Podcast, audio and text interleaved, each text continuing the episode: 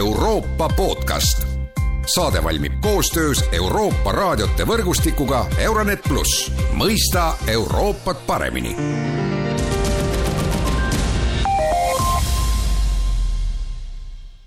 tere jälle kuulama Euroopa podcasti. reedel, kümnendal märtsil kohtusid Washingtonis Euroopa Komisjoni president Ursula von der Leyen ja USA president Joe Biden kohtumise tagamaid ja tähtsust aitab Euroopa podcastis mõtestada Euroopa Komisjoni Eesti esinduse juht Vivian Loonela, tere päevast! tere! ja mina olen Erkki Pahovski. no alustame sellest kohtumisest üldse ju, tegelikult on ju see juba iseenesest hea märk, et äh, juhid kohtuvad, et äh, Euroopa Komisjoni presidendi Ursula von der Leyeni kohta ei saa küll öelda, et ta on konkreetse riigi juht, aga ta on ikkagi päris võimsa organisatsiooni juht ja kohtumist ju tegelikult ei toimuks, kui eelnevalt ei oleks ju midagi kokku lepitud ja, ja ja need juhid lihtsalt lõksutaksid seal lõugu ilma mingisuguste tagajärgedeta. Ja noh, nüüd nagu me teame, siis siis tagajärjed ju sellel kohtumisel olid, aga, aga üldse, et Vivian Loonela, et see kohtumine oli ju lõppkokkuvõttes edukas ja see kohtumise fakt, nagu ma juba ütlesin, ise on ju küllalt tähendusrikas absoluutselt, ma olen täiesti nõus. ja koostöö komisjoni president von der Leyeni ja Ameerika Ühendriikide president Bideni vahel on olnud ju väga-väga tugev. kui mõtleme tagasi viimane kord, kui äh, minu meelest viimane kord, kui äh, president von der Leyen käis Washingtonis, oli või vähemalt väga märgiline kord, kui ta seal käis, oli novembris kaks tuhat kakskümmend üks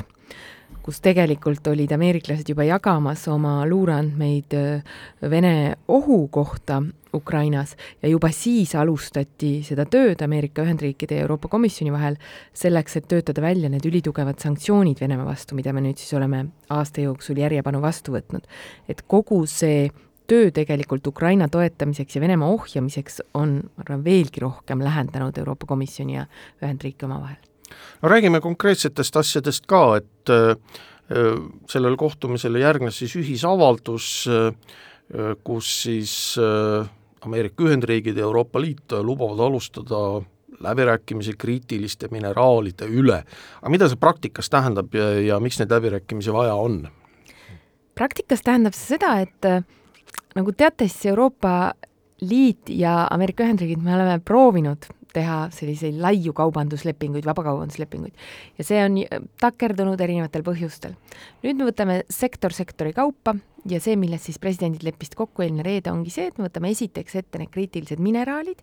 kus siis äh, lepitaks kokku, alustatakse nüüd kohe kauban-, vabakaubanduslepingu läbirääkimisi. see on tähtis mitmel põhjusel. esiteks seetõttu, et rohepöörde kontekstis, mida nii Euroopa kui Ameerika ajavad väga-väga jõuliselt mõlemal pool,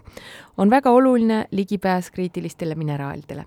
ja kui me vaatame maailmakaardile, kus need asuvad, siis Hiina on võtnud seal suure rolli, aga nüüd on selgus ka majas, et nii Euroopa Liit kui Ameerika Ühendriigid mõlemad tahavad teha suurt koostööd oma siis partneritega, kas Lõuna-Ameerikas, Aafrikas, Aasias ja ka omavahel, et saaks äh, mm, olla kindlad, et me ei satu mingisse sõltuvusse kuskil kolmandatest riikidest, kellest me ei taha olla sõltuvuses, et me ei kordaks tegelikult seda viga, mis Euroopas on tehtud energiaga viimastel aastatel ennem sõda. teiseks, miks see on väga oluline, on see, et äh, Ameerika inflatsiooni vähendamise akt või seadus, mis möödunud aastal vastu võeti, mis näeb ette väga suuri investeeringuid rohelisse üleminekusse, seda kõik tervitavad, aga seal on ka kitsendused, mis puudutab, et need toetused, mida Ameerika maksab, maksavad nad ainult oma vabakaubanduslepingu partneritele. selle otsusega äh, siis, et alustada neid läbirääkimisi, saab, saavad Euroopa Liidu ettevõtted tegelikult sellesama staatuse, et sellel on ka jaa, seda ma olekski tahtnud põhjus. küsida, et see tegelikult ju see nii-öelda see kana kitkumine või tüli küsimus Euroopa Liidu ja USA vahel oli kaua aega just see äh, USA inflatsiooni vähendamise akt, siis eestikeelsete tähtedega IRA, e, mitte segamini ajada terroristliku organisatsiooniga Iirimaal, ja, ja tõepoolest, e, eurooplased kaeblesid ju kaua tegelikult, et, et neid on tabanud ebaõigle kohtlemine, sellepärast et nad peavad konkureerima USA turul USA firmadega, kes saavad seda toetust. Ja nüüd on siis neil ka võimalus seda toetust saada, et nii-öelda need konkureerimistingimused on ühesugused, olen ma õigesti aru saanud? jah, nii on ja see tegelikult näitabki jälle seda, et kuidas nendesse tüliküsimustesse tuleb nagu, tuleb jälle võtta faktid ette ja konstruktiivselt vaadata, kus me saame lahenduse leida, mitte see, et hakata siin nõudma samaväärseid, ma ei tea, toetusi Euroopa Liidult või midagi. me ju teame ja see oli väga selgelt, tuli välja ka nende presidentide kohtumiselt, et me ei konkureeri niivõrd palju omavahel, kui me räägime nendest näiteks sellest kriitilisest infrastruktuurist või isegi, vabandust, kriitilistest mineraalidest või isegi tegelikult, kui me mõtleme kõigist nendest rohepöörde tehnoloogiatest, vaid ennekõike on see konkurents ütleme, sellise vaba demokraatliku lääne ja teiselt poolt käsumajandusliku, mitteturumajandusliku Hiina vahel. ja on ainult loogiline, et me peame tegema Ameerikaga nii suurt koostööd kui võimalik. ja see on see, mida siis see reedene kokkulepe tegelikult näitab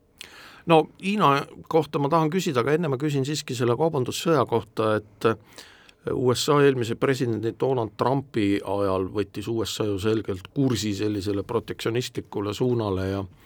ja kaubandussõda Euroopa Liiduga oli reaalsus, kas nüüd võib öelda niimoodi, et noh, et pigem on need märgid sellised, et see kaubandussõda on maha maetud ja pigem otsitakse sellist ühisosa ja Euroopa Liit ja USA ei ole nagu nii-öelda kukeboksis, vaid, vaid noh, üritavad leida lahendusi, loomulikult äh, saame ju aru, et kummagi äh, riigi ja organisatsiooni siis, kui nii täpselt öelda, siis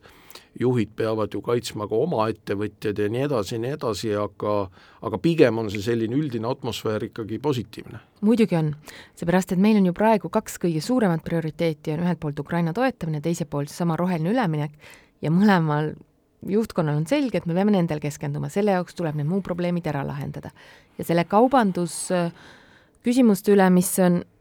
oluline oli see, et reedel lepiti ka kokku, pandi tähtaeg oktoobriks sellel aastal, äh, leitakse lahendus ka terase ja alumiiniumi küsimusele, mis, kui te mäletate, Trumpi ajal oli just see suur-suur valukoht. no Trump seal... üritas kaitsta just neid kohalikke ettevõtjaid ja,. jah, jah, ja pani seal Euroopa Liidu tootjatele suured tolli- või tariifid peale, äh, sellel on ka, seal on ajutised lahendused juba leitud viimaste aastatega, aga nüüd lepiti kokku, et oktoobriks me nagu lõpetame selle teema üldse ära praeguseks, et me leiame seal siis need lahendused, mis võimaldavad Euroopa ja Ameerika tootjatel omavahel konkureerida ausalt ja edasi minna sellega. no sa oled maininud mitu korda rohepööret, et äh, ega vist muud võimalust väga ei ole ka ja, ja ilmselt siis ka USA ja Euroopa Liit äh, peavad nagu näitama eeskuju teistele riikidele ja seetõttu ka nii-öelda see omavaheline kokkulepe, et seda rohepööret edasi viia, on väga oluline on oluline jah, sellepärast et no üldjoontes nagu tavaliselt alati nende asjadega, kus, mis juba nagunii lähevad, sa tahad olla seal äh, eesrinnas, et siis sellest Pigem kõige rohkem nagu võita. otsustaja, mitte kaasalohiseda, jah. just nimelt. ja seda nõuavad tegelikult päris laialt nii Ameerikas kui Euroopas suurimad ettevõtted ka selle jaoks ongi meil vaja seda õiguskindlust, on vaja, et lepitaks kokku need erinevad, ma ei tea, eesmärk viiskümmend viis ettepanekud ja nii edasi, et et meil oleks ka investeerimiskindlus ettevõtetel. Ja samamoodi nõuavad ettevõtted, et tegelikult oleks see lahendus ka Euroopa Liidu ja Ameerika omavahelistes suhetes, et keskendume kõige olulisemale, mitte ärme jagele mingite väikeste probleemide üle, mis lõppude lõpuks ju on sellised terase ja alumiiniumitollid no jaa, ja rahvusvaheline meedia tõepoolest ja nüüd ma jõuan siin Hiina juurde, räägib väga palju sellest või selline vaatenurk on, et tõesti nüüd Euroopa Liit ja USA panid nagu seljad kokku Hiina vastu ja, ja noh, siin on tõesti ikkagi ka selline geopoliitiline mõõde ju, et et üheskoos Hiina vastu on ikkagi vast lihtsam kui, kui eraldi, ehkki noh, loomulikult äh, sellest on ju ka palju räägitud, USA võib-olla tahaks sellist teravamat vastasseisu Hiinaga ja Euroopa Liit võib-olla nii väga mitte, sest Euroopa Liidul on Hiinaga ikkagi väga suured kaubandussuhted. jah, ja tõepoolest, need leppisid kokku reedel ka selles, et Euroopa Liit ja Ameerika Ühendriigid hakkavad omavahel tegema palju tihedamat koostööd, mis puudutab ka infovahetust selles, kuidas me, ma ei tea, seal toetame erinevaid äh, teadusarendusi, kuidas seda teadustööd paremini koos teha, kuidas vahetada infot selle kohta, mis toimub elektriautode või puhta vesinikuturul, just nimelt selle jaoks, et see läänemaailm oleks ühtsem ja ja, ja edukam selles, et kui me vaatame, et kust see oht tuleb kas või selles näiteks, et mis me oleme näinud, et kui äh, mingisuguseid sensitiivseid tehnoloogiaid kaaperdada või kasutada neid äh, ka sõjanduses või nii, siis see, selle jaoks on loomulik, et need, meie oleme ühel poolel praegu siin selles ütleme, tsivilisatsioonide vastasseisus, et siis me peame muidugi võimalikult lähedast koostööd tegema. Ja noh, lähedane koostöö seisab seal avalduses, ühisavalduses ka selles osas, mis puudutab Ukrainat ja ja mida võib siis selle koostöö kohta öelda, et noh, siin on ju kõlanud ka selliseid kriitilisi noote umbes, et USA president Joe Biden ja Uk-, Ukraina president Volodõmõr Zelenskõi ole võib-olla Ukrainale abi antava seisukoha, seisukohas äh, nii ühel meelel enam, aga, aga Euroopa Liit ja USA ikkagi nagu on ja on ju ka selge, et et mida ühtsem on lääs, seda tugevam on Ukraina ja seda nõrgem on Venemaa positsioon, see on ju päevselge see on päevselge ja päevselge on ju ka see, et kui me vaatame tagasi sõja alguse peale, Venemaale, Putinile oli see suur üllatus, on siiamaale suur üllatus, et see lääne ühtsus nii tugevalt püsib. ja kas see püsib ja nii jääb, seepärast see on see, mis meid on, mis, mis meid siin ühendab, me teame, et peame seda Ukrainat toetama nii kaua, kui vaja on ja seda ka tehakse, tehakse rahaliselt, tehakse relvadega, tehakse poliitiliselt, kõik, mis vaja. nüüd kui mõelda, mille üle arutelu oli seal reedel, presidentide von der Leyeni ja Bideni vahel, siis on see, et jah, muidugi, see relvaabi jätkub, majandusabi jätkub, me oleme leppinud kokku Euroopa Liidus kümme sanktsioonipaketti Venemaa suhtes, mis on olnud noh, väga laialdased, väga kaugeleulatuvad, aga ja, ja millega suures enamuses oleme me need ühtinud äh, nii äh, Ameerika Ühendriikide kui ka äh, Ühendkuningriigiga, aga mis me nüüd näeme, on see, et meil on kolmandad riigid, kes üritavad sealt kõrvale hiilida, üritavad äh,